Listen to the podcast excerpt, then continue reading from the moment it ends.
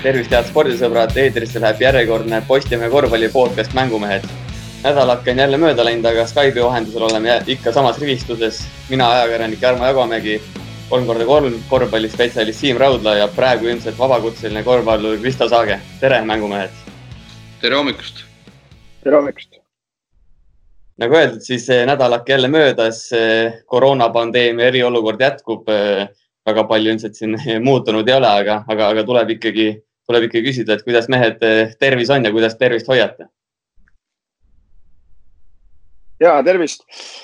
ei, väga hästi, et äh, sammu, sammu, sammulugeja loeb aina kiiremini, et äh, kaks päeva järjest siin tegin lausa kolmkümmend viis tuhat sammu, et poiss on pikemalt magama hakanud, et töö käib ja rõõm on näha, et palju inimesi liigub ka metsas ja peetakse kinni, vähemalt Rakveres sellest eh, korraldustest riigipoolsed, et eh, näed, kuidas inimesed kaks meetrit vahet perekondadeni kõnnivad, et, et selles mõttes loodame, et saab see pull varsti läbi ja läheme elurütmi juurde tagasi, aga muidu on kõik tipp-topp. ja tipp-topp, absoluutselt, et, et minul, minul samuti suurt midagi muutunud ei ole, et päeva esimene pool on, on nii-öelda selline vaba kava ja, ja õhtuti on endiselt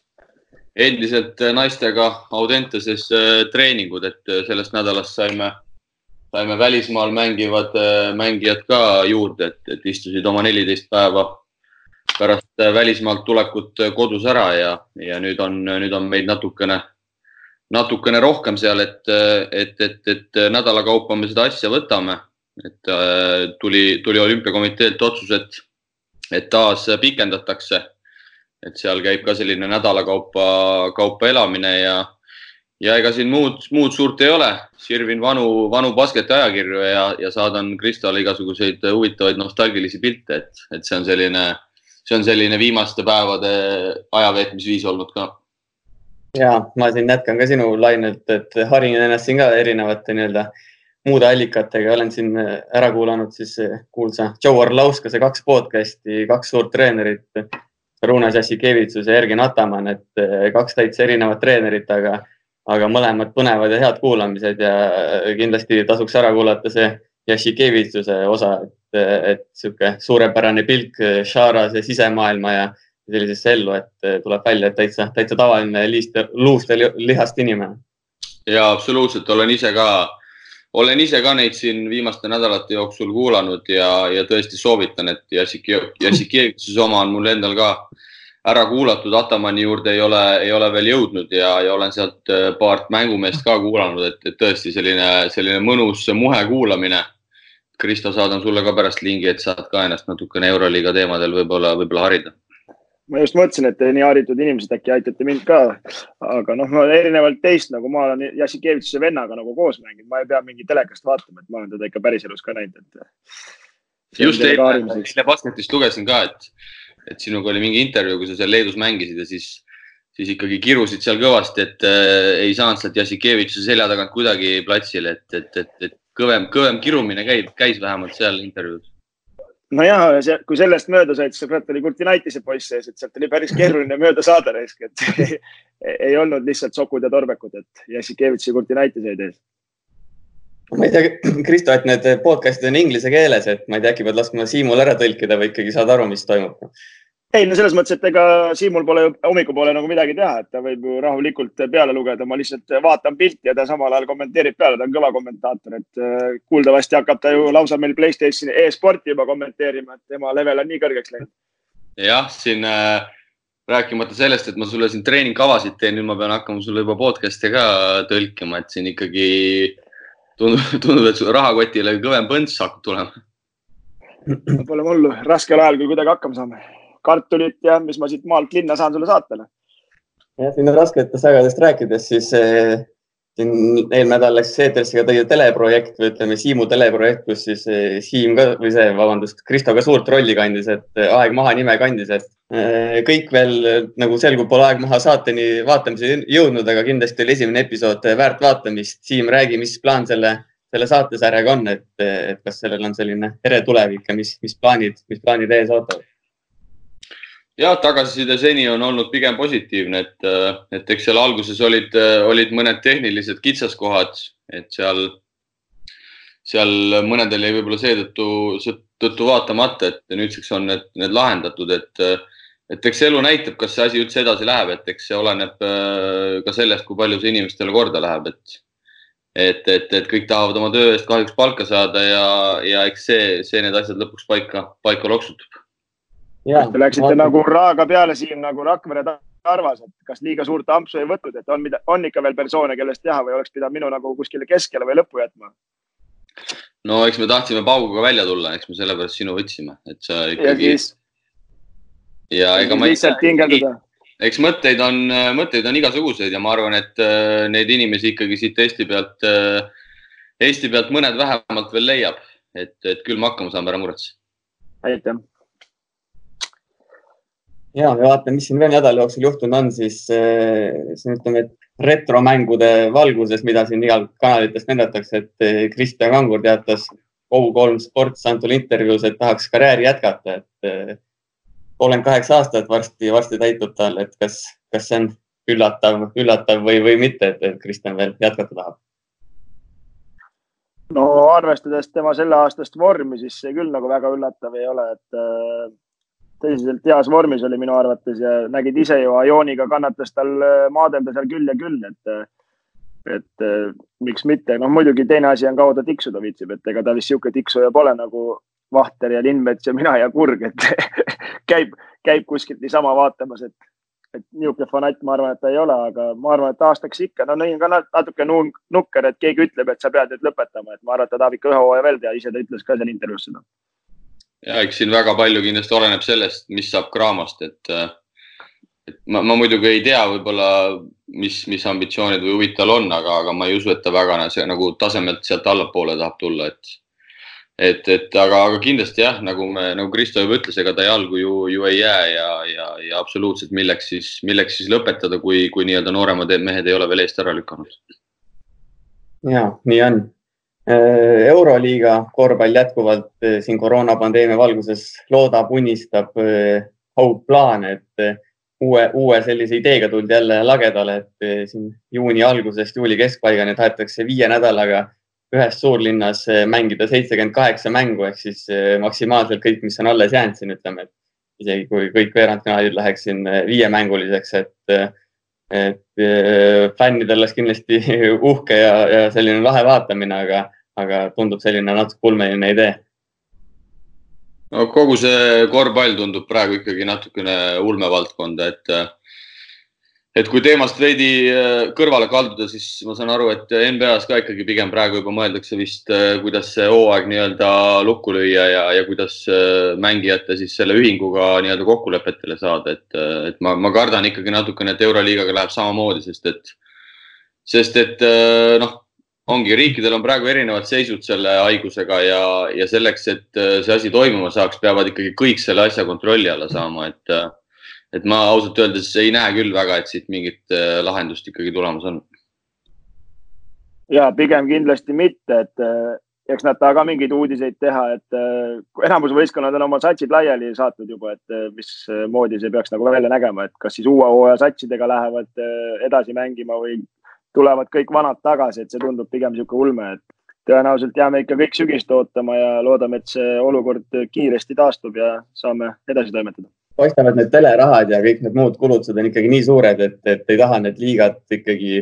ikkagi vägisi seda nii-öelda hooaega ära lõpetada või tahavad vägisi ära mängida, et paistab, et, et raha läheb tõesti palju kaotsi, sest muud selgitust ma ei näe, miks seda oleks vaja nii, nii vägisi proovida ära teha ei, muidugi kindlasti, et seal on, seal on väga suured rahad taga, et, et seetõttu neid otsuseid äh, kiirustades ka vastu ei võeta, et aga, aga näiteks ju FIBA meistrite liiga pani oma Final Eight ehk siis nii-öelda viimase kaheksa tugevama turniiri pani ju septembri lõppu, oktoobri algusesse juba lukku, et, et äh, tegelikult lugesin selle meistrite liiga nii-öelda juhi, äh, juhi intervjuud ka, et päris, päris nagu hästi sõnastas ära, et miks see tehti ja ja ikkagi tõi peamiselt välja asjaolu, et ei taheta mängida nii-öelda tühjade tribüüride ees, et, et lõppkokkuvõttes ju neid play-off'e korraldatakse ikkagi fännide ja, ja inimeste pärast, kellele see, kellele see mäng korda läheb, et, et ma arvan, et tegelikult väga, väga hea otsus, noh, kui neid häid otsuseid üldse praeguse aja kontekstis saab olla, et, et muidugi seal on oma kitsaskohad ka. võistkond võib olla septembriks hoopis teist nägu, kui ta oli siin sel hooajal, aga, aga ma arvan, et mingid miinused tulevad nii või naa praegu nii-öelda mängu, et, et siin ideaalset lahendust ei olegi võimalik leida ja, ja Itaaliast ikka selliseid, ütleme, et konkreetseid uudiseid ei ole, seal ei ole ka veel maha maetud plaani, et edasi mängida, et ma ei tea, olete siin oma sõprade Venede Veidemannidega ka viimasel ajal rääkinud, mis seis neil on või, või, või kuidas, kuidas neil läheb? ja, et äh, Veidemanniga rääkisin äh, nädala sees ja neljapäeval pidi tagasi lendama, et ma nüüd polegi küsinud, kas ta ikka jõudis koju, et äh, üheksandast märtsist oli, oli karantiinis ja nüüd jõuab koju ja neliteist päeva jälle karantiinis, et eh, üks nelja seina vahel istumine tal korralik on, et eh, eks, eks rohkem tal muud ei ole, aga no eks nad ikka jah, ega seal see liiga ikkagi edasi ei lähe tõenäoliselt, et nad midagi seal küll ütlesid, mingid konkreetsed vastused pole saanud, aga öeldi, et võid koju minna no.. ja ma rääkisin eile, rääkisin Siimuga ja Siim on ikkagi Itaalias veel, et äh, andis ka mõista, et selle nädala jooksul ehk, ehk on tagasi tulemas, et eks siis, eks siis ole eks siis ole kuulda, eks meil kõik need välismaalased vist suuresti on, on kodus, et äh, ma tean, et Puidet tuli ka Rootsist ära ja, ja, ja minu teada hispaanlased vist peaks ka olema, olema, olema kodumaal, et ega, ega väga palju neid mängijaid meil ei ole, kes, äh, kes veel nii-öelda välismaal pesitsevad. ja, aga viimasel nädalal on palju juttu olnud ka Eesti korvpalli ümber, kuidas edasi, kas lätlastega või ilma professionaalselt või amatöörlikult ja nii edasi, aga, aga kindel on see, et eelneval paaril hooajal on siin mänge väheks jäänud ja seda tuleks muuta. Äh, veel mõnda aega tagasi andis siis selliseid lisamatše ja lisaintriigi karikavõistlused, kuid seal ütleme FIBA mängutakna muutustega, selle tulekuga siis karikavõistlused äh, kadusid ja, ja Kristo, nagu ma aru saan, siis äh, oled päris tõsiselt sellesse teemasse süübinud ja, ja tundub, et, et tahad selle tühimiku ära täita võib-olla, mis sealt karikavõistlustest jäänud on, et räägi oma plaanist ja ideest natuke ei, mis ma nüüd süübinud olen, aga, aga no eelmine aasta oli väga kahju, et äh, Tarvaga, nagu sa nägid, sel aastal ikkagi möllasime päris okeilt, põhimõtteliselt sama satsiga, üks mustmees oli juures, eks, et äh, noh, sellest, sihukest muidugi jama pole mõtet teha, et teise liiga sats või esiliiga sats saab sul juurde ette visata seal, ma ei tea, nelikümmend viis või kolmkümmend punkti, et me oleks võinud võib-olla isegi õigete tiksutamistega siis Craamoga magama panna, aga karikavõistlused kindlasti peaks tagasi tulema ja noh, ma olen siin mõne tuttavaga selles mõttes nagu seda arutanud ja noh, minu arust võiks ollagi, kes tahab, see mängib, kes ei taha, see ei mängi ja võiks niisugune Eesti-sisene asi olla, et kuigi meil nüüd enamus võistkonnad on nagu välismaalastega, et võiks olla niisugune reegel, et üks välismaalane võib korraga väljakul olla, et ja see oleks ka põnev nagu esi- ja teise liiga võistkondadele siis madistada ja ma arvan, et saaks päris korraliku süsteemi kokku panna jah, ma olen, ma olen siinkohal Kristoga seda asja ka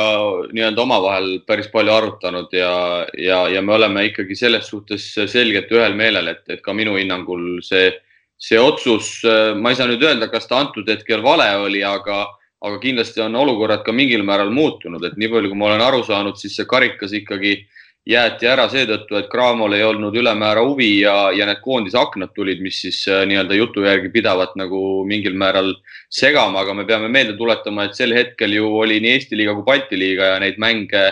tuli seal kokku hooaja peale, ma ei tea, kuuskümmend, seitsekümmend, parandage mind, kui ma eksin, et, et praegu neid mänge on tunduvalt vähem ja juba seetõttu tuleks seda mõtet nagu igati, igati kaaluda, et et ma siin uurisin äh, selle nädala jooksul ka päris paljudelt mängijatelt seda tausta, et mis nende arvamus oleks ja ja no ma julgen öelda et, et seitsekümmend, kaheksakümmend protsenti on selgelt arvamusel, et see võiks tagasi tulla, see on huvitav, see on atraktiivne, see annab hooajale nii-öelda sellist särtsu juurde ja, ja igal juhul neid positiivseid nüansse on nagu rohkem kui neid kitsaskohti. ja, ja üks eh, karikavõistluste suur toetaja, endine kossumees, eh, Tartu Ülikooli korvpallimeeskonna spordidirektor Janar Talts on meil siin ka ka praegu Skype'i vahendusel eh, nii-öelda ühenduses, et avab ka natuke, natuke tausta ja selle karikamängude tähtsust, et Janar, enne kui asja juurde läheme, siis küsiks, et kuidas sul läheb mm,? kuidas mul läheb, no mis sa siin karantiinis ikka lähed, et äh, istud kodus ja nii palju, kui telefoni teel asju saad ajada ja nii palju, kui on, mida ajada, nii palju teed. Kahjuks vaatajaid ei näe või kuula, et tähendab, et äh, habe on sul ikka võimas, et seda, seda vähemalt saad kasvatada karantiini ajal jah, et äh, ma vaatan, et Kristo on ka siin hakanud habet kasvatama, et, et äh, eks see ongi see aeg iseendale, et saab igast lollusi kodus ära teha. ja tervist, tervist. kuidas siis äh, praegust Tartus meeleolud ka on, et ootamatult ruttu tuli lõpp, et teie noolt muidugi kuramuse kahju, et see nii ruttu tuli või? et no. mängud hakkasid just hästi minema no kindlasti jah, ma arvan, et igal Kossumäel on kahju, et see, et see niimoodi ära lõppes, see, see hooaeg, et, et see noh, eks kõik võivad öelda, et mis oleks võinud juhtuda, onju, et seda ei tea keegi. aga loomulikult on kahju, et play-off'id jäid pidamata ja see, see lõpp jäi nagu välja mängimata, et, et siis oleks saanud nagu sportliku printsiibi alusel need kohad paika ja kes teab, kes oleks üllatanud, kes mitte ja oleks päris huvitav lõpp tulnud, ma arvan Janar, ma sain aru Kristo jutu järgi, et, et enne parat-, paratamatult enne seda kriisi nii-öelda teil, teil oli üks mees juurde toodud Leedumaalt, et, et mitte, et sellel enam mingit tähtsust oleks, aga, aga räägi, mis mehega tegu oli ja, ja kes, kes sinna täpselt siis teile lisajõudu toodud oli? Noh, selles mõttes, et mis siin, mis siin ikka enam nagu rääkida, et kes siin tuli, kes ei tulnud, et äh, meil äh, jah, mees oli juba kohale tulnud ja oli valmis nagu mäng, mängima, et äh,, et mõtteid ja plaane oli meil siin igasuguseid, et kuidas, kuidas veel lõpus üllatada, aga, aga kahjuks ei realiseerinud ja pole mõtet nendest rohkem, ma arvan, et rääkidagi. aga ütleme senimaani, kui see asi meil siin lukku pandi, võib-olla sinu silmade läbi võtta see hooaeg mingis mõttes kokku, et, et millega, millega võis nii-öelda rahule jääda ja, ja kust, kust vajaka jäi? noh, kokkuvõtlikult mingite perioodidega kindlasti võib rahule jääda, et, et äh, kindlasti kaks Tarva võitu olid, need olid siuksed head magusad, et aga noh, suures plaanis oli ta ikkagi niisugune kõikuv, et kahjuks me ei saanud ühelegi suurele nagu vastu, et nende top äh, nelja, nelja satsile, top kolmele, et, et just seal Eesti-Läti ühisliigas, et see, see natuke jääb kripeldama. et noored oleks võinud natukene rohkem pead tõsta ja, ja julgemalt panna, et, et mingid sellised kohad jäävad, et aga noh, kuna lõppresultaat jäi välja mängimata, siis ma ei teagi, seda hooaega on nagu raske kokku võtta. kas ja kui palju teid see mõjutas, et hooaja alguses sinna Euro Challenge'ile peale ei saanud, et kui suur eesmärk see oli? Noh, ma arvan, et noorte meestega nagu meil ikkagi hooaja alguses oli, see sats oli ikkagi väga noor, et noh, eesmärk oligi neile pakkuda nagu tugevamaid äh, mänge. loomulikult oli kahju, et me sinna alagrupi peale ei saanud. aga noh, oleme ausad, ega me seal mingisugust suurt tegu kuskil kohamängudele arvatavasti ei oleks mänginud. et aga, aga kogemuse mõttes nendele meestele anda seda kogemust, kindlasti oli see, oli see vajalik käik ja selliseid, selliseid asju peab, peab proovima ja, ja selle nimel peab nagu tööd tegema, et nagu ma aasta alguses ka rääkisin, et et kuna neid mänge on vähe, noh, kuhu me jõuame ka kindlasti nende karikamängude jutuga, et kuna mänge on vähe ja selles mõttes, et kui me mängime siin noh, enamasti Eesti-Läti omavahel, et asi seegi, aga ikkagi tugevama, tugevamaid mänge on rohkem vaja noortele meestele, et nad äh, ise ka nagu areneksid vähe kiiremini. Ja korra ütlesid ka, et siin võib-olla mõned noored mehed ei, ei avanenud nii palju, kui oleks oodanud, et me siin eelnevates saadetes ka oleme natuke natuke arutanud seda, et siin võib-olla nimedest tuua siis äh, Robin Kivi ja Hendrik Eelmäe, et, et võiks nagu, võiks nagu olla nende aeg juba vaikselt, et äh, millest, millest see võib-olla tuleneb, et, et ei tule sellist võib-olla suuremat pauku, kas ongi see üks, üks osa ongi see võib-olla vähenev mängude arv ja võib-olla selline, jah, see, see olukord eks seal on, noh, ma ei ütle, et nad, nad kindlasti läksid edasi võrreldes äh, eelmiste aastatega, et äh, treenerid on ka öelnud, et läksid edasi, et võib-olla ei ole just niisugust äh, veideka pauku nagu olnud, et kõik räägivad, Veidemann tuli Tarvasse, et vaata, kus lõi jalaga ukse lahti. võib-olla sellist pauku ei ole, aga nad kindlasti arenevad. ja selle koha pealt ei ole midagi öeldud, mehed on nagu, tahavad nagu tööd teha ja on trennis ja võitlevad ja möllavad, onju, et, et seal on kindlasti ka muud faktorid sees, et kes käib koolis vahepeal, et siuksed asjad mõjutavad nagu seda vormikõverat nagu päris kõvasti, et need hetked, kui kooli ei ole ja saavad korralikult trenni teha ja nagu Priit on ka öelnud, et kui korduste arv on nagu piisav, siis see väljendub mängudes ka. et, et ikkagi mehed peavad mingi hetk endale selgeks tegema, et mida nad nagu teha tahavad, et kas nad tahavad kossumehed olla või nad tahavad koolimehed olla. loomulikult Eelmäe puhul ei saa sellest rääkida, ta käib keskkoolis, keskkool on vaja ära lõpetada, on ju, Kristo? No see oleks ikkagi jah, suur pluss, et äh, noh, et Priit Vene nii ei ütle nagu Aivo Erkma, et kui kool segama hakati, jätta pooleli, et, et ja. see on muidugi suur pluss, aga eks see muidugi, ega seda veideka pauku ja no eks imes ikka kuradi kõik inimesed ootavad ja tahavad ja muidugi tahaks, et Tallinn, Tartu oleks tagasi, võib-olla järgmine aasta on, kui Graamo omadega käpuli on, aga, aga ega noh, noore mehe jaoks on ju see ka, et ega vaja kõvasti õnnestumisi ja kui on õnnestumisi, siis tuleb hea periood, aga kui ta jälle ei õnnestu, siis tal jälle tuleb niisugune madalseis, sealt välja ronida on suht keeruline, jah aga jõuame siis selle juurde kohe välja, Janar, et äh, sina arvad, et neid karikameistrivõistlusi oleks vaja meile? no kindlasti on vaja mänge juurde, et see karikasüsteem oleks selline kõige lihtsam, ma arvan, ja, ja kõige, ma arvan, et ka kõige odavam variant, et, et kui äh, mängida Eestis karikat või meie mängime näiteks eurosarja, ma arvan, et see eurosari on meie, meie klubile on noh, see on finantsiliselt nii kõva pauk, et seal keegi ei, ei tule sulle appi ju, et kuule, et mine mängi eurosarja, et saad selle eest mingit raha või kuskil, et see on kõik puhas väljaminek, onju. et aga kui karikavõistlused toimuksid mis iganes formaadis, kõik saaksid osa võtta, noh, ma ütlengi, et võib-olla esiliiga, meistriliiga, eks seda saab nagu mõelda, onju. Aga seal peab olema ka mingisugune auhind või eesmärk, mille nimel nagu seda teha, et sellel asjal peab ka mingi väärtus olema, et klubid tuleksid seda mängima. Ja et ma olen sinuga selles mõttes nõus, et niisama nagu pulli pärast pole mõtet teha, ma saan aru, et esiliiga meestel ja teise liiga meestel on nagu noh, väike mott ikka kuradi panna siin tugevamalt magama, aga noh, teie klubi jaoks on see, et jälle äh, Vene saab ju kasutada nooremaid mängijaid ja erinevas situatsioonis, eks, aga kui nüüd äh, mõelda seda, et noh, Mailis Pastak on öelnud, et äh, kunagi, kui ma mängisin Tartus, et üks alagrupi turniir on viiskümmend tuhat, saad järgmisse ringi viiskümmend tuhat sada tuhat eelarvest on ikka päris suur see kulu nagu eurosarjas ja minu arust võitja sai ainult kakskümmend viis, noh, et see on ka nagu veits jama, onju. aga, aga kui siin Eesti-Läti liiga juurde minna, et aga see on nagu ilma karikata päris ulme võib jääda, et kui meil on kaheksa võistkonda, mismoodi mängime siis neli ringi või? Sa mõtled, et kui ainult Eestikat, Eesti meistriliiga satsid mängivad karikaid või, või ainult, et kui jääb Eesti meistriliiga või? Eesti, ei, Eesti-Läti liiga, et kui tõenäoliselt meil jääb siin kaheksa kuni kümme satsi ainult alles, et on ka päris suur noh. et Jurmala ju kukkus ära juba ja, ja Ventspils on noh, eks nad, ma ei tea, kas neil on huvi enam mängida ja maksta raha selles mõttes ja sõita ja see on ju päris kulukas, sa ju ise tead, eks, et ega sa ju tasuta sa ei käi Lätis sõitmas seal, et et see formaat nagu üle vaadata. minu küsimus nagu on see, et noh, et kuidas sina näeksid seda järgmine aasta, seda Eesti-Läti liigat, noh, teie kindlasti osalete, teil ei ole mingit varianti.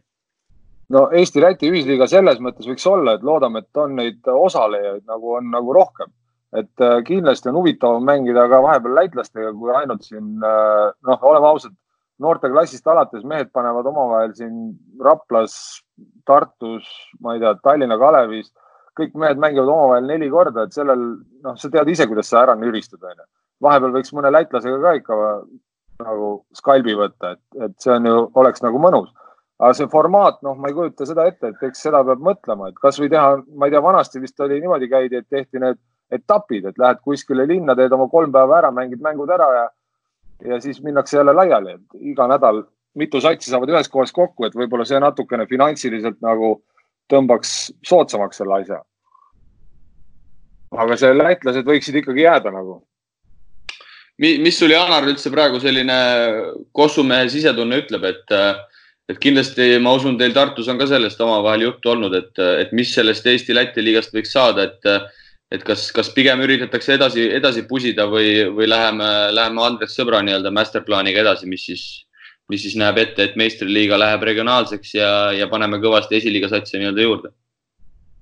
no selle koha pealt on ka siin juttu nagu päris palju olnud, et osad nagu äh, kindlasti läheb nagu olukord raskemaks, aga mina punnitaks seda Eesti-Läti liigat kindlasti edasi, et äh, me ei tohi nagu selle koha pealt kindlasti alla anda, et tõstame käed üles, et lähme paneme kõik edasi seda õlleliigat onju. sellel ei ole pointi noh siis ei ole Robin Kivil ja Hendrik Eelmäel ka pointi enam seda mängida, et siis me võime seal Sunset Cupil käia iga suvi tagumas onju et sellel äh, nagu me peame üritama ikkagi hoida seda mingisugust taset, mis meil on. on meil nii palju oma mehi, kui palju on, et äh, üritame ju neid edasi arendada ju kogu aeg. kui me teeme selle nii-öelda, tõstame käed üles ja lähme sinna nii-öelda esiliiga tasemele, noh, oleme ausad, ega siit keegi, keegi kuhugi väga kõrget hüpet siit tegema ei hakka ja ei tule need välismaa mehed ka siia lõpuks koju mängima, et ainult koondise mänge. Pigem ikka üritada hoida seda taset nii kõva nagu võimalik. kui, kui kõvasti see nii-öelda koroonavärk Tartu meeskonda võiks mõjutada, et kui, kui suur teil protsentuaalselt on, on ülikooli poolne toetus, erasektori toetus, et et olete sellest ka võistkonna sees äh, juba arustanud, arutanud, et kui, kui väga nii-öelda sellist ülikooli võistkonda see kõik mõjutada võiks? no eks ta kindlasti mõjutab, see ju mõjutab igat sektorit, et, äh, et noh, lõpp, lõppnumbreid ei oska kindlasti täna öelda, et kes, kes meid veel toetab ja kes ei toeta, et, et kõigil on raske, et nii palju, kui ma olen toetajatega rääkinud, paljudel on ikkagi väga ränk aeg ja keegi ei tea, mis nagu ees on, et samamoodi on ka korvpalliliigadel aga, aga kõik üritavad ju ellu jääda, samamoodi ka meie. Et äh, tänasel päeval kindlasti ma ei oska öelda, mis äh,, mis suurusjärgus või, või mismoodi Tartu järgmine aasta korvpallimeeskonna välja paneb, aga, aga üheksakümmend, ma ei tea, kaheksa protsenti kindlasti ta paneb välja meeskonna et meie puhul võib-olla natuke positiivsem ongi see, et meil on äh, oma see püramiid on olemas, et äh, me saame oma mehi siin jälle kasutada, et et siis vaadata nii-öelda jõudu väljast juurde. Äh, Janar, sa olid nüüd esimest hooaega sellises uues rollis spordidirektor, et alustuseks küsiski, et äh, milliseks su ülesanded üldse kujunesid ja mis sa tegid seal igapäevaselt? noh, ega ma ise ka ei teadnud, kuhu ma nüüd äh, sisse astun, et eks ta päris selline lai, lai nagu põli oli, et üritasid, üritasid igal pool nagu abiks olla meeskonna, meeskonna toimimisel, et, et meil tuli ka Robert Peterson tuli on ju mänedžeriks, tema, tema oli selline tubli ja kohusetundlik, tema ajas seda paberimajandust nii palju, kui ta ajas, et, et kõik asjad oleks korras ja meestel oleks asjad olemas, et äh, mina üritasin seal nõu ja jõuga kaasa aidata ja, ja toetajatega suhelda ja, ja mõelda mingit kuidas ma ütlen, erinevaid, erinevaid variante seal nii meest, meeskonnas, nii meeste vahel kui ka, kui ka muidu nagu turunduse poole peal, et, et me saime endale selle tiimi nagu nii-öelda päris, päris hästi juba veerema seal poole hooaja peal, et, et selline väga-väga-väga palju aega nõudvaid asju oli, mis kohe nagu võib-olla toimima ei hakka, aga, aga mõtteid ja asju oli palju. kas olid mängijatele selles suhtes mentori rollis ka või ma ei tea, pidid seal ise vahepeal dressid selga tõmbama ja seal nii-öelda koolitama hakkama pikki või midagi sellist ka? ei, ei, ei, ma mängijatega selles mõttes igapäevaselt nagu kokku ei puutunud, aga, aga ikka vahest käisid ja, ja vaatasid, kuidas neil trennides, trennides on, et äh, mingite olmemuredega ikka vahest pidid tegelema ja, ja, ja noh, ma mentoriks selles mõttes äh, esimene aasta kindlasti veel ei hakanud, et vaatame, mis tulevik toob ja, ja kuidas üldse mängijatel, eks ikka üritad neid aidata ju mingites valikutes või asjades, et, minu pärast nõu ja jõuga nii palju, kui saab, loomulikult aitan oma meeskonna mängijaid, kasvõi karjääriredelil edasi minna. minu jaoks on see oluline, et paremad vennad, kasvõi, kas nad jäävad meile või, või siis minge välismaale. et meie olemegi selline hüppelaud nendele edasiseks karjääriks. Oled sa muidu, Janar, Janar rahul selles suhtes, et kui, kui sul, noh, ma muidugi ei tea, kuidas sul see leping ette näeb, aga, aga kui sul nii-öelda on variant järgmine hooaeg ka spordidirektorina Tartus jätkata, et jäid sa selle aastaga selles suhtes rahule, nagu sa ütlesid, kindlasti uus amet ja väga palju oli sellist üllatuslikku, et, et, et kuidas sa nii-öelda tuleviku poole enda seisukohast vaatad? no kindlasti ma ei löö, annaks, ei lööks käega praegu, et ma nägin nüüd seda nii-öelda köögipoolt selle korvpallimeeskonna nagu ülesehitamisel ja sellel toimimisel, et et varem, kui ise mängija olid, siis ikka noh, meil oli Meelis Pastak oli mänedžer ja ütles Meelisele, et kuule, mul on, ma ei tea, mingit tosse vaja või mul on seda vaja, on ju, hea lihtne, et too kohale. praeguse seisuga näed seda köögi poolt, et kuidas üldse see asi nagu masinavärk toimib, et see on tegelikult paganama raske nagu töö ja, ja, ja see nõuab nagu jube palju finantsi, et, et, et seda asja nagu hästi teha, et meestel oleks hea, onju ja teine pool on ka see, et mehed peavad lõpuks äh, seda hindama hakkama, et, äh, et need asjad tegelikult ei käi päris nii lihtsalt, et ma küsin ja kohe, ma ei tea, poolsist helistatakse, et näe, loomulikult võta kuradi viiskümmend paari ketsi ja minge, ma ei tea, tehke, mis tahate nendega. iga asja nimel nähakse palju vaeva, et mehed saaksid trennis käia ja mängida. aga selle koha pealt, et kas ma järgmine aasta edasi paneks, ma arvan, et paneks küll ja, ja ühe aasta pealt nagu alla veel ei annaks. et kas sa oled, mul on niisugune kogemus, et kui mängija hakkab treeneriks, et algus oli nagu täis tiimivend ja siis pärast keerab kõik teistpidi, et kas sa oled ka nüüd aru saanud, et, et need asjad, mis sulle ei meeldinud omal ajal, et nüüd, nüüd proovid neid, neid siis oma meeste peal nagu keelata ja kästa ja puua või? no päris nii hull vast. Et kui omal ajal öeldi, et ööklubis käia ei tohi, siis sa ikka käisid salaja, aga nüüd käid ise kontrollimas, aga see noh, sul on muidugi ettekääne, et saad naisele öelda, et saad ööklubisse minna, siis sa pead kontrollima minema, eks. ei no ma olen alati seda arvanud, et, et iga asi omal ajal, et, et kui mees pingutab trennis ja, ja näeb vaeva ja kui ta oma töö ausalt ära teeb, siis ei ole põhjust muude asjade pärast nagu nuriseda, onju. et sa vist teed reklaami enda sellele filmile praegu või? Et äh.... ei, ma teen kindlasti selle filmile reklaami, et seda soovitan vaadata ja mitte nii kindlasti teha no.. ja, ja et, et äh, ei nagu nii, nii kategooriliselt ma, ma kindlasti ei, ei suhtu, et, et noh, ma tean ju küll, et mis, mis on mängijate mured ja, ja asjad, aga, aga eks, eks nad on juba ka selles mõttes, et mängivad ju meeste satsis, et lõppkokkuvõttes on ju tulemust vaja ja nad peavad selleks kõik tegema, et minu pärast tehku, mis tahavad, peaasi, et nad väljakul äh, annavad endast kõik ja ei, ei loiva seal. Noh. et sa nüüd tagantjärgi hindad nende mänedžeride tööd rohkem kui mängijana, et äh, tegelikult on see päris raske töö, jah? no kindlasti, jah. kuidas, Janar, üldse see, see nii-öelda karjääri lõpetamine sul, sul nii-öelda, nii-öelda sujus, et, et kas sa, kas sa uurisid ka mõnest muust, ütleme, valdkonnast neid töövõimalusi või või ikkagi see süda põksub nii-öelda korvpalli ja spordirütmis ja, ja on ikkagi igal juhul soov sellele alale midagi tagasi anda? no seal oligi see äh,, noh, eks karjääri peale on juba siin mõeldud, lõpetamise peale oli juba mõned aastad olid mõelnud, et äh,, et eks ma kompasin ikka, et mida võiks teha ja kuhu suunas liikuda. aga, aga viimane aasta, kui ma mängisin Tallinna Kalevis, oli, siis tekkis selline võimalus nagu Tartu Ülikooli äh, satsi poolt, et tule nagu Kossu juurde, mis tundub nagu selles mõttes, et loogiline, et, et äh, noh, ehitajaks sa mind ei pane ju, noh, ma ei, ma ei oska ju, noh, Kossust vähemalt midagi teada, onju. et mingi inseneriks sa mind ei pane, et noh, mis, mida ma seal mõtlen välja siis onju. et rekkajuhiks sa mind ei pane, mul ei ole lube, onju, Kristo. et äh, ei, no, pigem jah. on see, pigem on see loogiline, et Kossu juurde jääda ja proovida ja aidata siin nagu midagi ära teha ja, ja võib-olla edasi viia et äh, ma arvan, et see on ikkagi hea väljakutse mulle. ei, selles suhtes ma igati nagu kiidan, et me oleme siin, siin enne ka võib-olla erinevates saadetes rääkinud, et neid, äh, neid koondise mängijaid, kellel seda teadmist ja, ja nii-öelda, kes on seda nii-öelda välismaa elu ka võib-olla näinud, et neid tuleks nagu igal juhul nagu ära kasutada, et, et selles suhtes ma arvan, et Tartu meeskonnalt äh, igati nagu, igati hea otsus, aga, aga rääkides sellest spordidirektori ametikohast äh,, kas sa ikkagi oled seotud sisuliselt ainult esindusmeeskonnaga või sa oled pidanud ikkagi ennast ka püramiidi tegemistega kurssi viima ja sa tunned neid noori mehi sealt altpoolt ka päris hästi?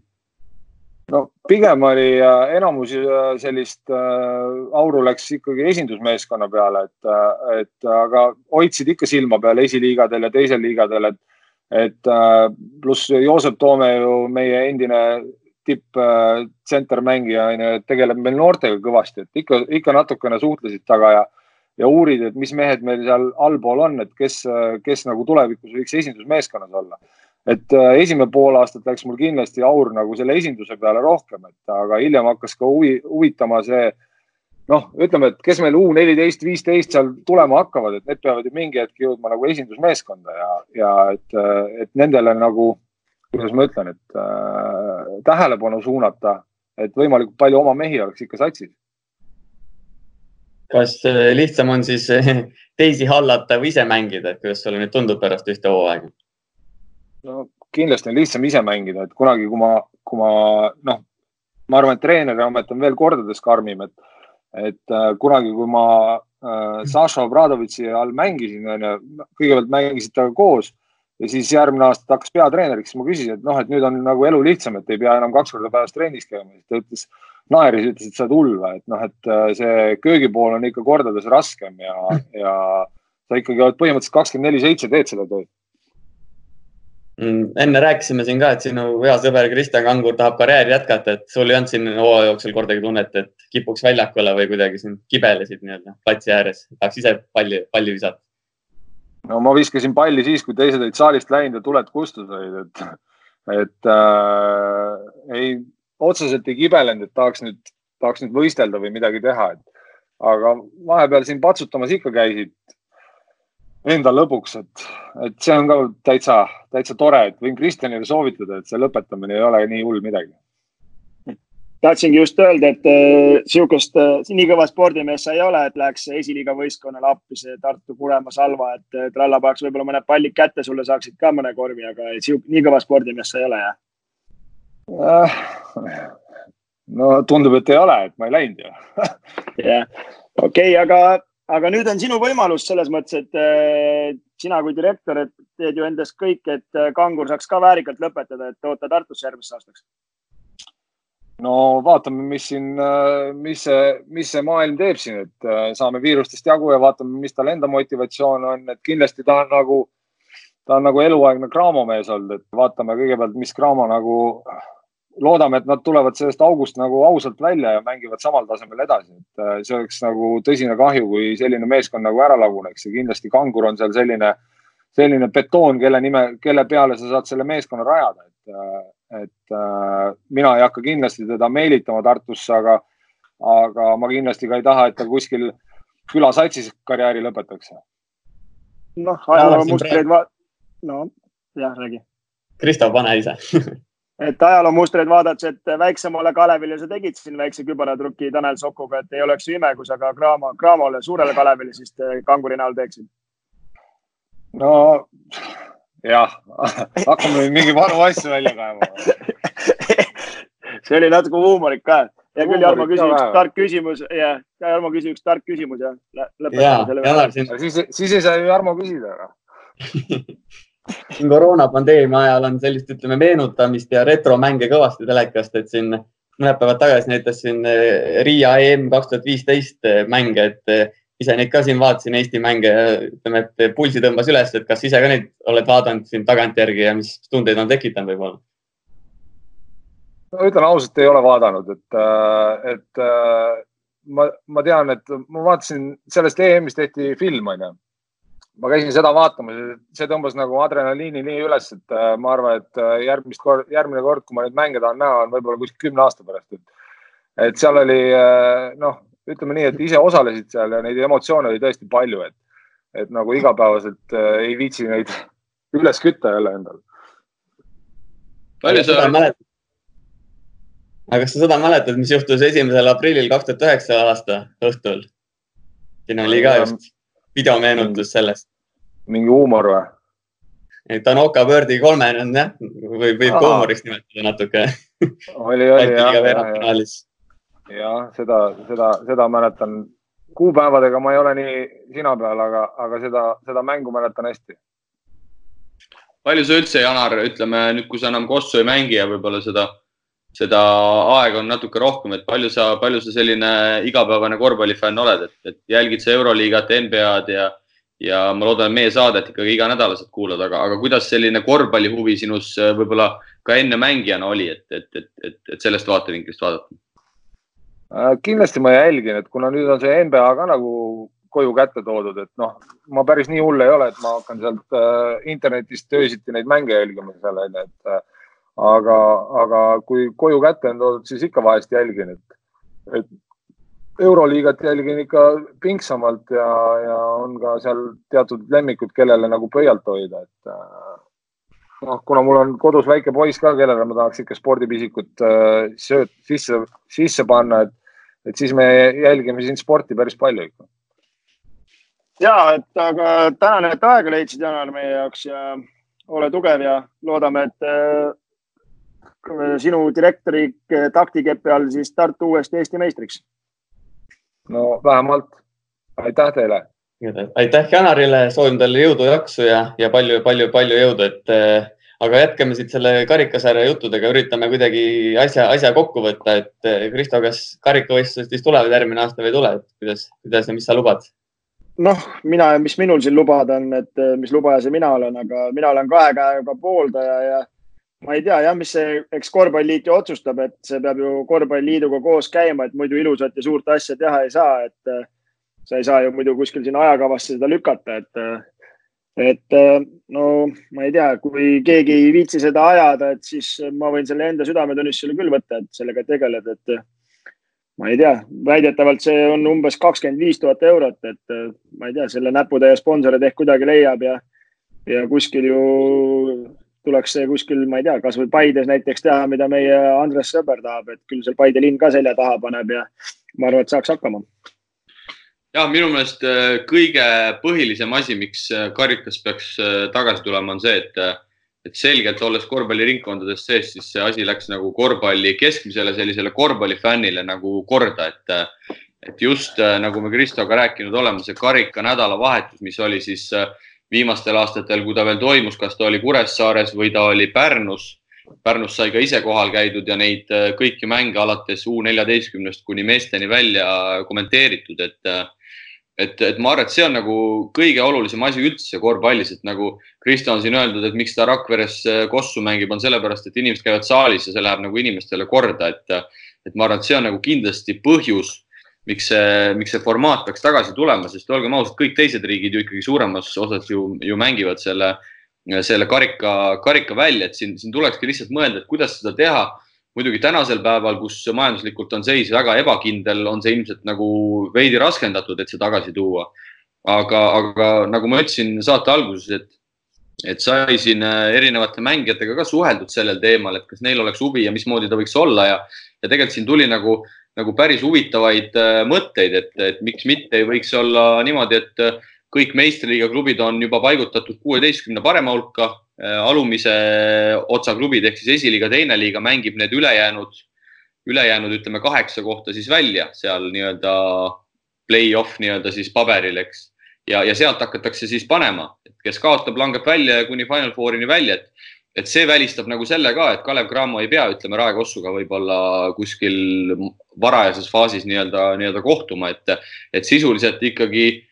ikkagi need äh, kõrgema taseme klubid saavad juba otse kuueteist parem hulka, alumised mängivad nii-öelda omavahel siis need ülejäänud kaheksa välja ja sealt hakatakse siis nagu madistama. minu meelest sellel mõttel oleks isegi nagu täitsa, täitsa jumet.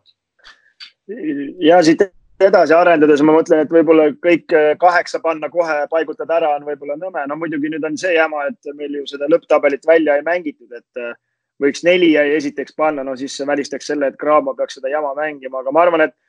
ma ei tea, ma arvan, Rakvere-sugusel satsil, no ma olen igasuguste satsidega mänginud ja igasuguste Iisaku vastu ja ükskõik mida on ju. et eh, noh, minule meeldib Koss ja mulle, mul on vahet ei ole, kes vastas on, on ta Graamo või on ta Rae Koss, eks ole, on ju, et ühtemoodi loputada tahan neid kõiki, eks, et aga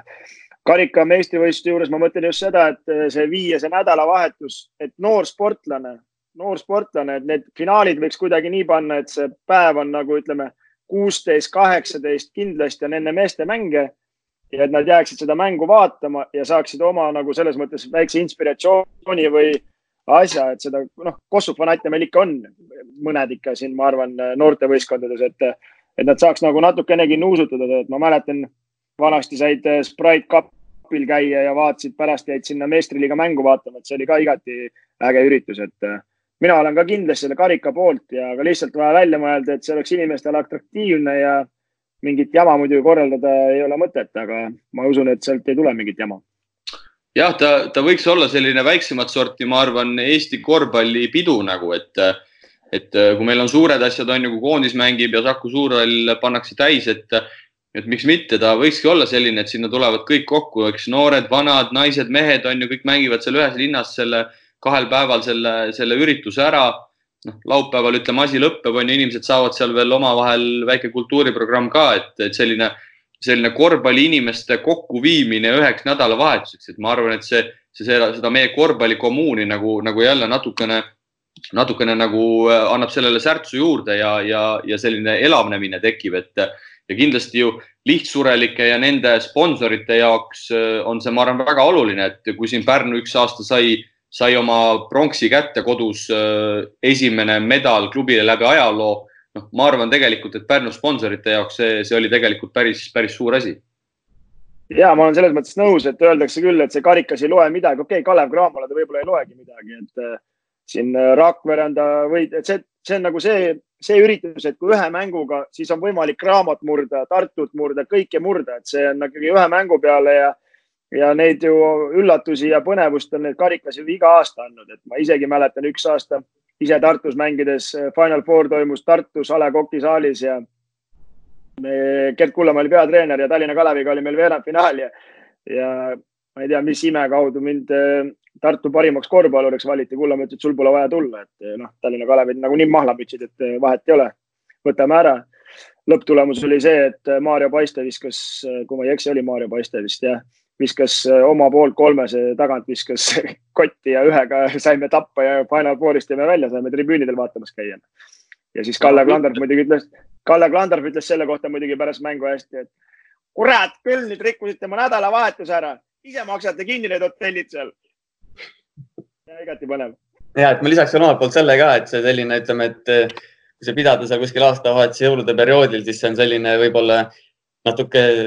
ärgitav ka siin hooaja keskel on ka mingi selline kulminatsioon ja selline põnevam hetk, et muidu see asi võib-olla natuke mandub ja siin et ei ole sellist mingitel hetkedel võib-olla põnevust, et see karikas jällegi, nagu te ütlesite ka, toob sellist ärevust ja intriigi, et okei okay,, sel, sellele Cramole, kes meil siin praegusel kujul viimased aastad olid, neile mitte, aga teistele kindlasti, ma arvan, selline, selline nii-öelda hea vaatamine ja hea hetk, mille eest pingutada, et võib-olla see karikavõistlust iseloomustab kõige paremini see, et kui, kui need olid, siis nagu väga ei hinnatud seda, aga kui kohe, kohe, kui need ära kadusid, siis kohe, kohe tekitas see väga suures ringkonnas probleeme, et, et saadi aru, kui, kui väärtuslik ja, ja vahva asi see selles suhtes on. No just, et ma arvan, et kui sa, kui sa tänasel päeval paneksid kuskile, kuskile Facebooki korvpalligruppi, paneksid hääletuse üles sellisele tavalisele Kossu fännile, et kas te tahaksite, et karikas tuleks tagasi. no ma, ma isiklikult arvan, et see oleks väga nagu ühepoolne, mida arvab nii-öelda korvpalli, korvpallifänn, et, et ma arvan, et see tuleks nagu hästi läbi mõelda, et et ega point on ka see, et ega, ega selle diplomi karika peale võib-olla tõesti keegi nagu väga mängida ei, ei viitsi, võib-olla nagu kõvem klubi Graamo, eks, et et kui seal oleks võib-olla mingi võimalik tekitada, leida mingi peasponsor, auhinnaraha näiteks äh, kõikidele Final Fouri klubidele, et olenevalt siis, kui kõrgele sa lõpuks jõuad, miks mitte ei võiks anda näiteks äh, finaali pääs kohta eurosarja, noh, see on muidugi jälle FIBaga läbirääkimiste koht, aga minu teada osades riikides see isegi toimib, et, äh, et kui sa võidad karika, siis selle järgi sa saad, sa saad pääsu kuskile, kuskile eurosarja ja, ja, ja huvitav mõte, mis, mis Siim Snarvene mulle nagu äh, pakkus, oli see, et, et, et võiks kuidagi selle, selle nii-öelda, kas siis Eesti-Läti liiga hooajaga see ka seotud olla, et, et esimeste mängude järel näiteks, kui on mingi ports mänge mängitud, et selle järgi pandaks siis nagu asetus paika, et, et kes kellega hakkab seal karikas, karikas mängima, et eks neid, neid mõtteid ja, ja, ja variante on ju tegelikult äh, igasuguseid aga jah, ma arvan, et kui keegi initsiatiivi ei võta, siis küll see meie Kristo selle ära teeb.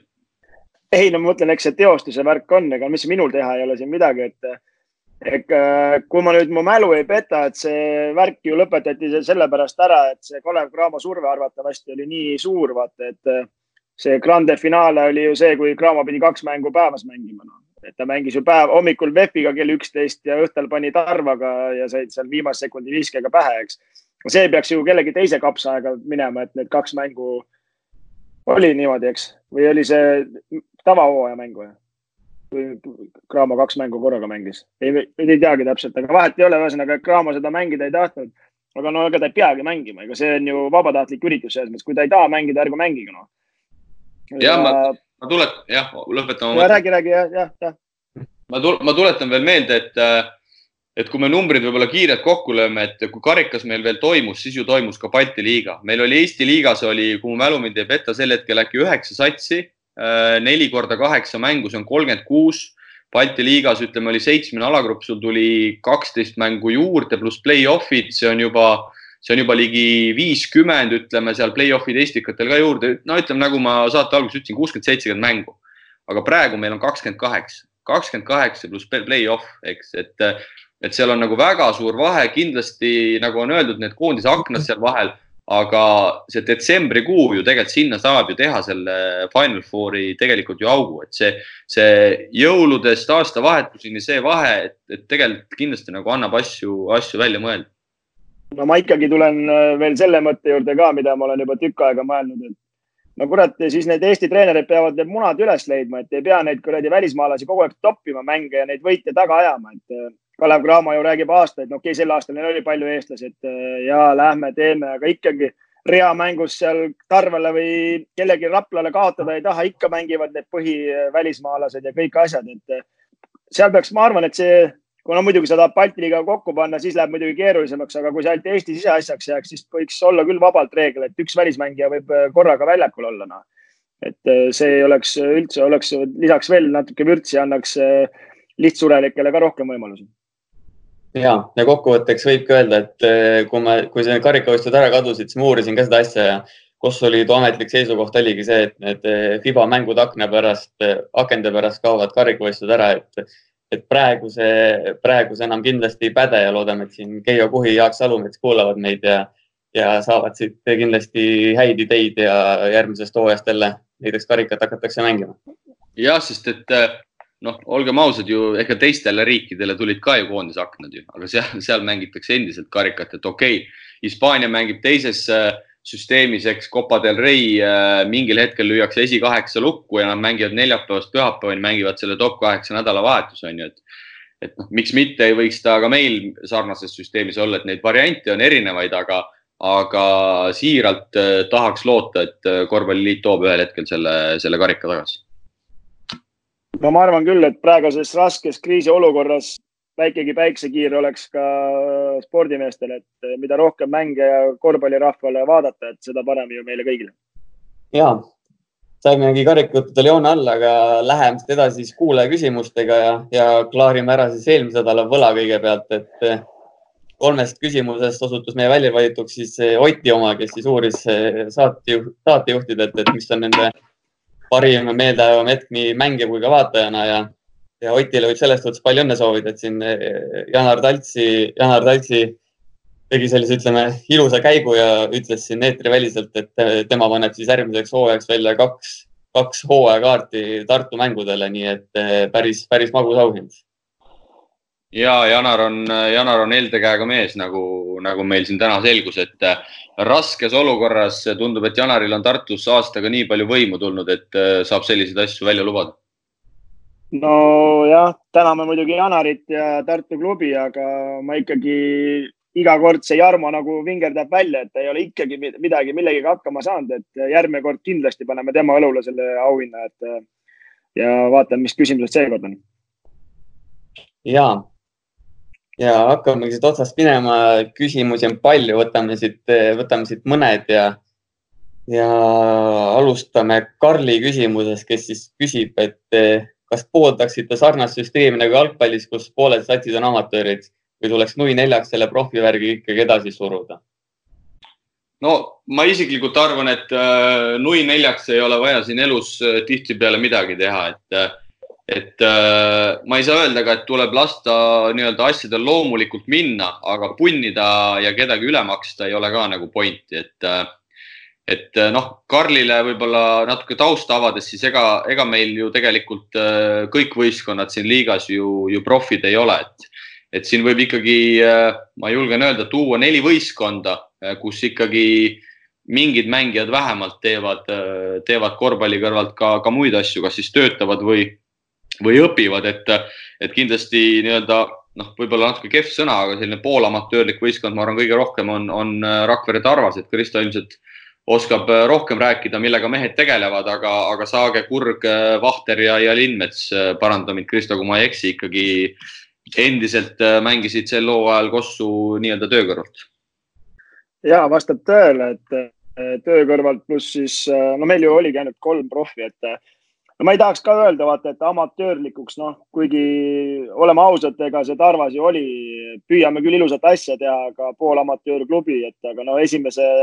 sammuna hea abiks seegi ja õnneks äh, väga lati alt ei läinud, et, äh, et äh, niisuguseid võistkondi on ka vaja ja ma lisaksin siia selles mõttes Tallinna Kalev läks nüüd veits profimaks, aga, aga noh, ma ei tea, kui profid nad nüüd on, nii täpselt sellega kursis ei ole, aga noh, ma tean, et kindlasti Lips käib tööl, Saks käib tööl ja noh, TTÜ on ju üliõpilasvõistkond ja nagu Janari jutust aru saime, käib ka neil väga palju tööl, no okei okay,, neil on profe rohkem, aga ja noh, siin ikka neid satse selles mõttes on, kes on poolprofid, aga aga eks me püüame seda taset nii kõrge hoida ja ei tahaks kindlasti kohe selle Andres Sõbla plaaniga minna ju vaata, et äh, oleme kõik siis äh, üks suur pudru ja kapsad ja esiliiga nii-öelda, et äh, proovime ikka siin veel midagi arendada ja, ja ma ei tea, kui, kui jalkaga nii väga kursis ei ole, et kui ebaprofessionaalsed nad ikka, ma kardan, et neil on isegi eelarved suuremad kui korvpalliklubidel. no jalgpall on vist ka seda teed minemas, et siin Aivar Poolak tahab siin lähiaastatel anda nii-öelda madalamatele klubidele ka toetust, et minna täisprofiks, et eh, sellist UEFA toetust eh, korvpallil paraku ei ole, et, kuskilt, kuskilt mujalt Euroopast raha tuleks, et, et selles suhtes see, see miinus on, aga, aga jah, et siin ütleme, et see Andres Sõbra väljaütlemine tõmbas päris kõva arutelu, arutelu käima ja on õigus ka neil nagu selles mõttes, et, et seal, seal on, on, on oma iva sees, aga, aga nii resoluutselt seda asja kindlasti teha ei, ei, ei tohiks ilmselt nagu, nagu, nagu sõber välja käib, et, et vägisi pole seal võib-olla tagaotsast vaja, vaja nii-öelda profimeeskonda vägisi teha, aga, aga ütleme, et selline võib-olla see nagu on, on siiamaani olnud, et üks selline, ütleme siis, Graamo on enam-vähem selline superklubi olnud, et selline väljund võiks nagu ikkagi mängijatel olla, aga, aga päris teisest liigast kohe hakata meeskondi võtma tundub natuke liiga resoluutne võib-olla, jah no suures plaanis ma arvan, et meil võiks olla niisugune kaks, et Graamo VTB Tartu võiks saada jalad alla kuidagi ennast üles töötada, olla kuskil eurosarjas. siis on äh, Rapla, kes segab vett ja veel võib-olla ütleme kaks-kolm võistkonda ja ma arvan, et kui meil on, äh, ega meil nii palju neid häid korvpallureid ka pole, kes töö kõrvalt äh, suudavad seda taset hoida, et ma arvan, kui meil niisugune üks-kaks võistkonda suudame kokku komplekteerida, kes suudavad mingil määral vett segada ja oma kodupublikule rõõmu pakkuda, siis sellest piisab, et rohkem ma ei näe siin põhjust veel amatöörlimuks minna ega meil jah, jalgpalliga on nagu raske ennast kõrvutada, et seal ikkagi katusorganisatsioonilt tuleb nagu nii palju seda, seda lisaraha, et ma küll väga palju jalgpalliringkondades sees ei ole ja tausta ei tea, aga, aga nii palju, kui ma olen kuulnud, siis seal ikkagi päris kõvasti üritatakse, noh, kas nüüd vägisi, aga natukene punnida selle, selle jube professionaalse liiga poole, et et ma võin numbritega eksida, aga, aga kui ma ei eksi, siis UEFA annab siis, siis jalgpalliliidule raha, et nendele väiksematele klubidele, kas see oli vist kuus, kuus tuhat eurot, et, et, et palgata kuus mängijat, kellele siis maksta keskmiselt siis tuhat, et nad ei peaks käima jalgpalli mängimise kõrvalt äh, tööl, et, et äh, noh, meil seda võimalust äh, kahjuks ei ole, et, et nagu, nagu Kristo ütles, Tarvas on töömehed, Kalevis ka, eks Karl-Juhan Lips, Pirita tervisekeskuse areenimeister Kaido Saks on, on minu teada Saksa gümnaasiumis kehalise õpetaja ja, ja siis ülikooli meeskonnad, noh, TalTechi kohta tean ise natukene paremini, et seal ju Käbin, Olmre, Schmalz, Viilup, äh, Järvelainen äh, käivad, käivad kõik koolis ja, ja, ja samamoodi Tartu poolel on, on ka ju noored, kes on nüüd äsja keskkooli olid lõpetanud seal Robin Kivid ja ja Jürgensteinid ja Oliver Suurorg, kes siit äh, Tallinnast läks äh, füsioteraapiat õppima, et noh, ma arvan, et need mängijad ei saa ka ennast ikkagi päris nii-öelda profiks, äh, profiks nimetada, et aga ma, ma ikkagi selles suhtes leian, et kooli kõrvalt seda asja teha on nagu okei okay,, et, et olles ise kooli kõrvalt ka nii-öelda kossu mänginud, siis, siis tegelikult kooli kõrvalt sa saad ikkagi kaks korda päevas ka trenni teha, kui sa oma aega suudad nagu piisavalt hästi-hästi planeerida, aga eks ta väga selline energiakulukas tegevus tegelikult ikkagi on ja et ma arvan, et siin on ka nagu kaks äh, vahet, et, äh, et kas sa nagu mõtled nagu amatöörluse all seda, et töö kõrvalt käime kõik või kooli kõrvalt no,. kui käime kooli kõrvalt, siis me ikkagi perspektiivikaid noori nii, nii öelda, nagu meil on, kes on, et neid püüame nagu kõrgemale seada või siis lihtsalt äh, tiksume aega lõpuni ja käime, teeme nagu pulli, et siin on ka kaks vahet, ma arvan. ja, ja kokkuvõttes ma arvan, et võib öelda, et me tahame, ütleme, et korraliku mängu, korraliku arv mänge, enam-vähem taset, siis eh, peab ikkagi veel vähemalt praegu lätlastega nii-öelda kampa lööma, et muidu, muidu jääb, jääb natuke õhukeseks asi. ja loomulikult on hea ju naabril ära panna, et eh, sellest aastastki ju magus hetk, kui Ventspils tuleb oksad laiali ja pärast läheb eh, nuttes minema, et sihukeste hetkede nimel elame ja, ja neid ikka õnneks tuli. jah, ma arvan, et võrreldes lätlastega me oleme tegelikult äh, võib-olla isegi natuke paremas seisus, kui me seda kriisi vaatame, et, et nii palju, kui, kui mul infot on, siis Läti klubid elavad väga palju kohalike omavalitsuste peal, ehk siis, äh, ehk siis nendele Jurmalatele, noh, Jurmalat muidugi enam ei ole, see on halb näide, aga Ogredele, Ventspilsidele, kõikidele nii-öelda väiksema linna klubidele tuleb tegelikult väga kõvad summad tulevad äh, linna eelarvest ja, ja me teame nüüd, kes siin kriisis kõvasti pihta saavad, on, on kohalikud omavalitsused ehk siis ma tõesti ei kujuta ette, mis nendest Läti klubidest saab, minu teada seal seda eraraha nii palju ei ole. noh, muidugi erasektor saab ka pihta, nii et, et see on selline natukene mõttetu teoretise, teoretiseerimine, aga, aga, aga jah, ma arvan, et, et me oleme ikkagi mingil määral lätlastega võrreldes paremas seisus, vaadates otsa uuele hooajal, kui me siin juba teemast natukene kõrvale kaldume, arvestades ka seda, et lätlastel siin hooaja keskel juba olid väga suured rahalised probleemid. ja küsimus number kaks, Samuel kirjutas väga lühidalt Euroliiga versus NBA ehk siis eh, ilmselt tahab teada, mis, mis on Euroliiga ja NBA taseme vahe. oh, minu arust need on äh, täiesti kaks erinevat mängu, et äh, üks äh, Euroliiga on siis äh, puhas peaga mäng ja tõsine andmine ja NBA hooaeg on nii pikk, kaheksakümmend kaks mängu, et äh, seal ikkagi tippsatsid, kes on ennast äh, pannud, need mängivad igal juhul play-off'i ja seal väga palju üllatusi ei tule, erinevalt Euroliigast, et Euroliigas ikkagi üllatusi tuleb nende mängude jooksul ja, ja seal ei ole nagu tabelike, nagu siiamaani, kuni see hooaeg käis, nägime, et seal ikkagi oli ikka tihe, tihe andmine, et kaksteist võistkonda võitlevad või isegi neliteist võistkonda võitlevad äh, kaheksa play-off koha eest, et aga ma noh, on näidanud, et siin mõndasi satsi kindlasti Euroliiga tipud, kui nagu mõelda neid võrrelda, et Euroliiga tipud kindlasti NBA tagumiste satsidega mängivad kindlasti võrdselt ja kindlasti ka võidavad, aga tipus ma ei oska öelda, et seal on võib-olla veits teine värk.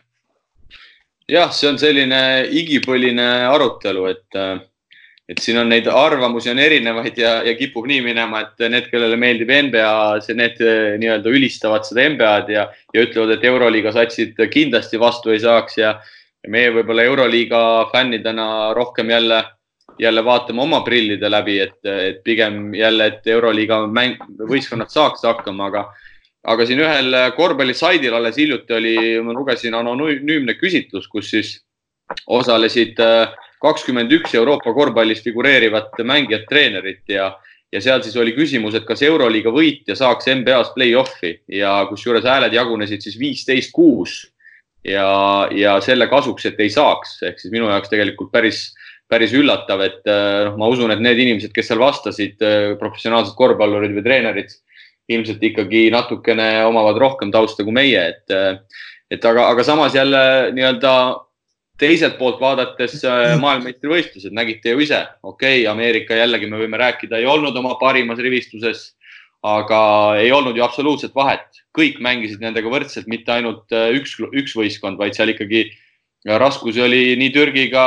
kui ka teistega, lõpuks siis saadi, saadi sealt prantslastelt sisse ära ka, et noh, mina isiklikult arvan, et Euroliiga parimad, ütleme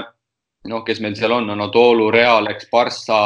võib-olla ka CSKA, mina arvan, et nad saaks mängitud küll, aga seal kõik oleneb sellest, mis reeglite järgi, kas vilistavad Euroopa kohtunikud Euroopa reeglite järgi, kas vilistavad Ameerikat, kas mängitakse kaheksakümne mänguline põhiturniir või mängitakse kolmkümmend mängu.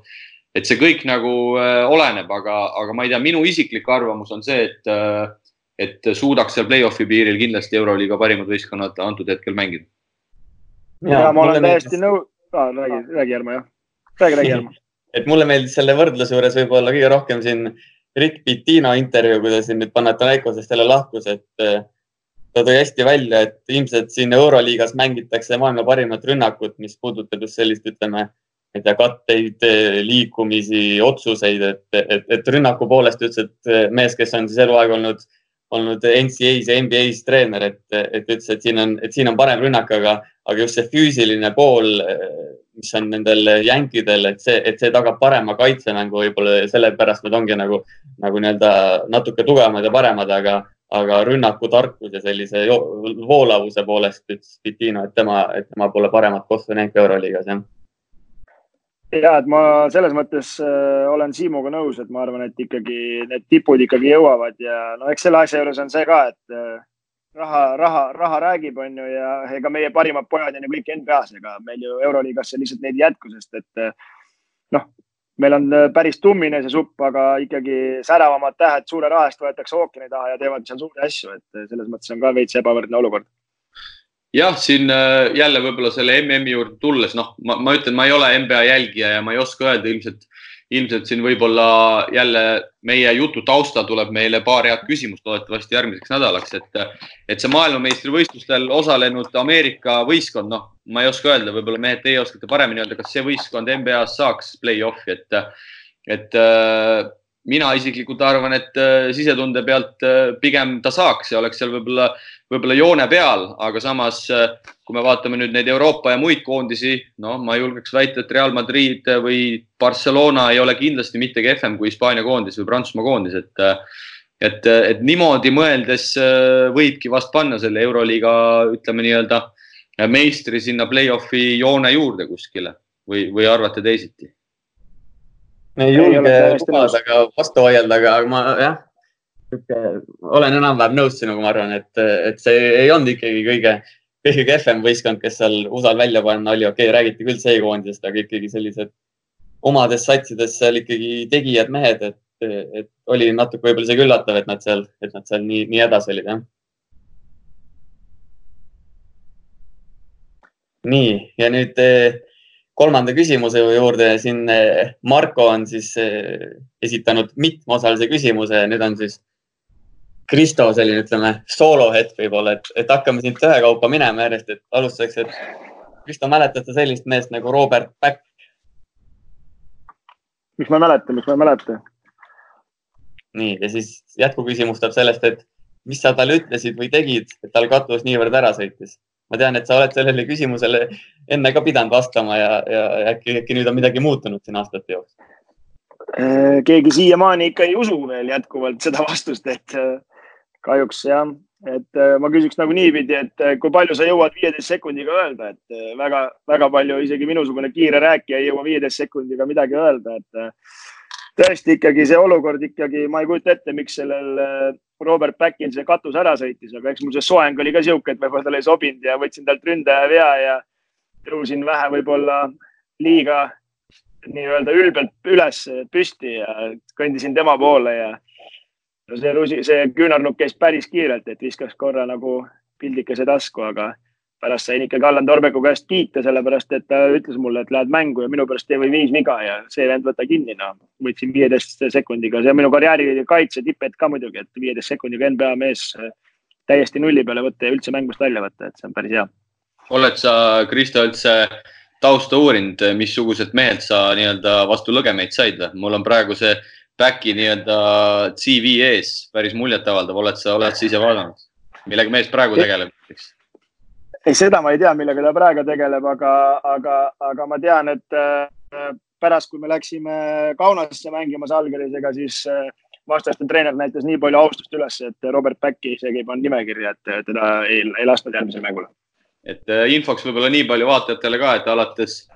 kahe tuhande üheksandast aastast siis kuni tänaseni ehk siis ligi kümme aastat on mees olnud NBA-s abitreeneri rollis New Orleans Hornets, Clippers, Thunder, Pelicans ja, ja hetkel siis Washington Wizardsi äh, abitreener ja, ja muidugi korralik karjäär ka mängijana NBA-s ja oma karjääri lõpus siis üks aasta Valencias ja, ja viimane aasta siis oligi Žalgirises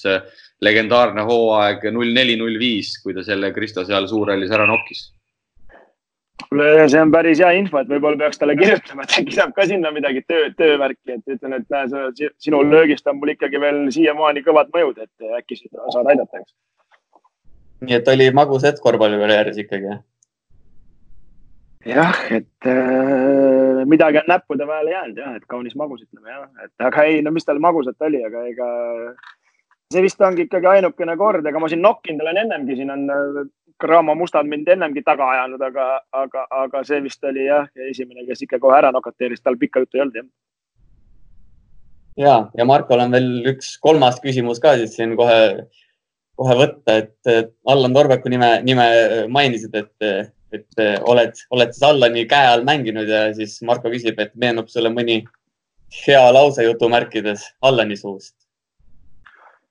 No eks neid seikasi on, et kui siin meenutama hakata, et kadunud äh, Allan Torbek, et äh,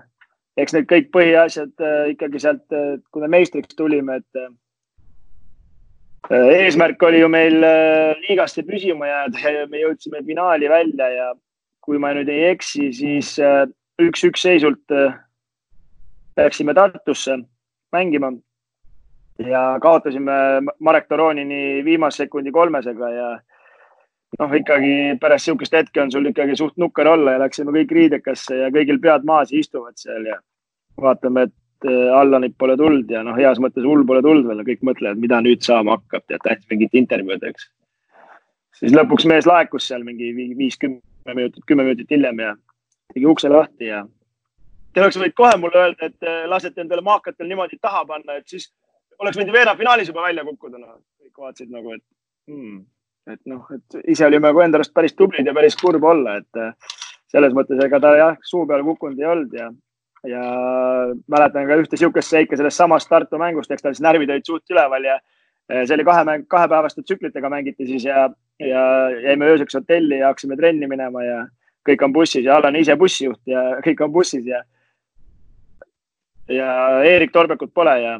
küsib, et kus Eerik on? keegi ei tea midagi, siis küsib. Karl-Peeter, sa oled ju Eerikuga ühes toas ju? Ma ei tea, ta oli seal all, seal fuajees, noh, sel ajal internetti polnud, et seal arvutis kuskil, ma ei tea, kus ta on. kannatas veel üks mõned sekundid ja siis Niidas, pane uks kinni. Niidas pani ukse kinni, hakkasime minema ja saime vist sõita, ma ei tea, võib-olla sada meetrit, siis Karl-Peeter ütleb, pobistab teile sealt tagant, et ei noh, normaalne seisma jääma, ütles kao välja viskas mõlemad pojad, jättis maha nagu, et need tulid siis jala järgi, et trenni, aga noh, et sihuke kevavereline ta oli, et äh, aga müts maha, ma ütlen, et äh, tõesti hea treener. Kristo, ma küsin täpsustuseks, äh, ma ei tea, kas sa mäletad, oli see see legendaarne sinine Mersu mikrobuss ikkagi, millega te seal sõitsite? ikka, ikka, ikka ja, ja et äh, kõige piinarikkamad äh, ülesanded olidki Tartuga mängides, et kui sa olid sealt kotti saanud, siis ta sõitis selle mikrobussiga ja noh, kujutad sa ise ette seda üheksakümmend kilomeetrit, ühes käes on mikrofon ja teises käes siis teise käega siis sõidab ja siis analüüsib mängu ja sõimab ükshaaval kõiki et see oli päris piinarikas, et selles mõttes, et kaks pool tundi said kogu aeg nagu teada, kui sitt sa oled, ega sa midagi eriti vastu öelda ei saanud, aga jah, et sealt ikka tuli. jah, mul, mul endal ka mul endal ka põgusalt äh, Allaniga on kokkupuude olemas, kuna Martin küll, äh, kolmas poeg on minust aasta noorem, aga, aga esimesed äh, aastad nii-öelda veetsin aasta nooremate treeninggrupis ja Allan ikkagi ka käis seal, käis seal meid vahepeal tolmendamas ja, ja, ja, ja noh, kindlasti on jätnud, on jätnud oma jälje siia Eesti korvpalli, et siin, siin ei ole, ei ole, ei ole midagi öelda, et et, et vägev vana ja, ja ma usun, et neid lugusid on tegelikult äh, Kristol siin rohkem, et aga selle jaoks tuleks ilmselt jällegi teha, teha üks spetsiaalne saade. jah, ja ega siin äh, jah, ega siis kõik ei pea ka välja rääkima, et las jääb midagi enda teada ka. et ma ise olen ka paar aastat mänginud ikkagi Allani käel ja sõitnud ka selle kuulsa mikrobussiga, aga siin e-, enamus, enamus väljendit sellist, ütleme, trükimusta eetrit ei kannata, aga ütleme sellised asjad, et mm, jalge vahel põrgatused, mida sa oma kotte tuulutad ja mida sa vead oma lõiget kusse väljakul, et sellised ikkagi tuli põhimõtteliselt iga, iga lause järel, et, et, et need lähevad kindlasti ajalukku ja jäävad, jäävad alatiseks meelde, jah. ja nagu ja, Krista seal,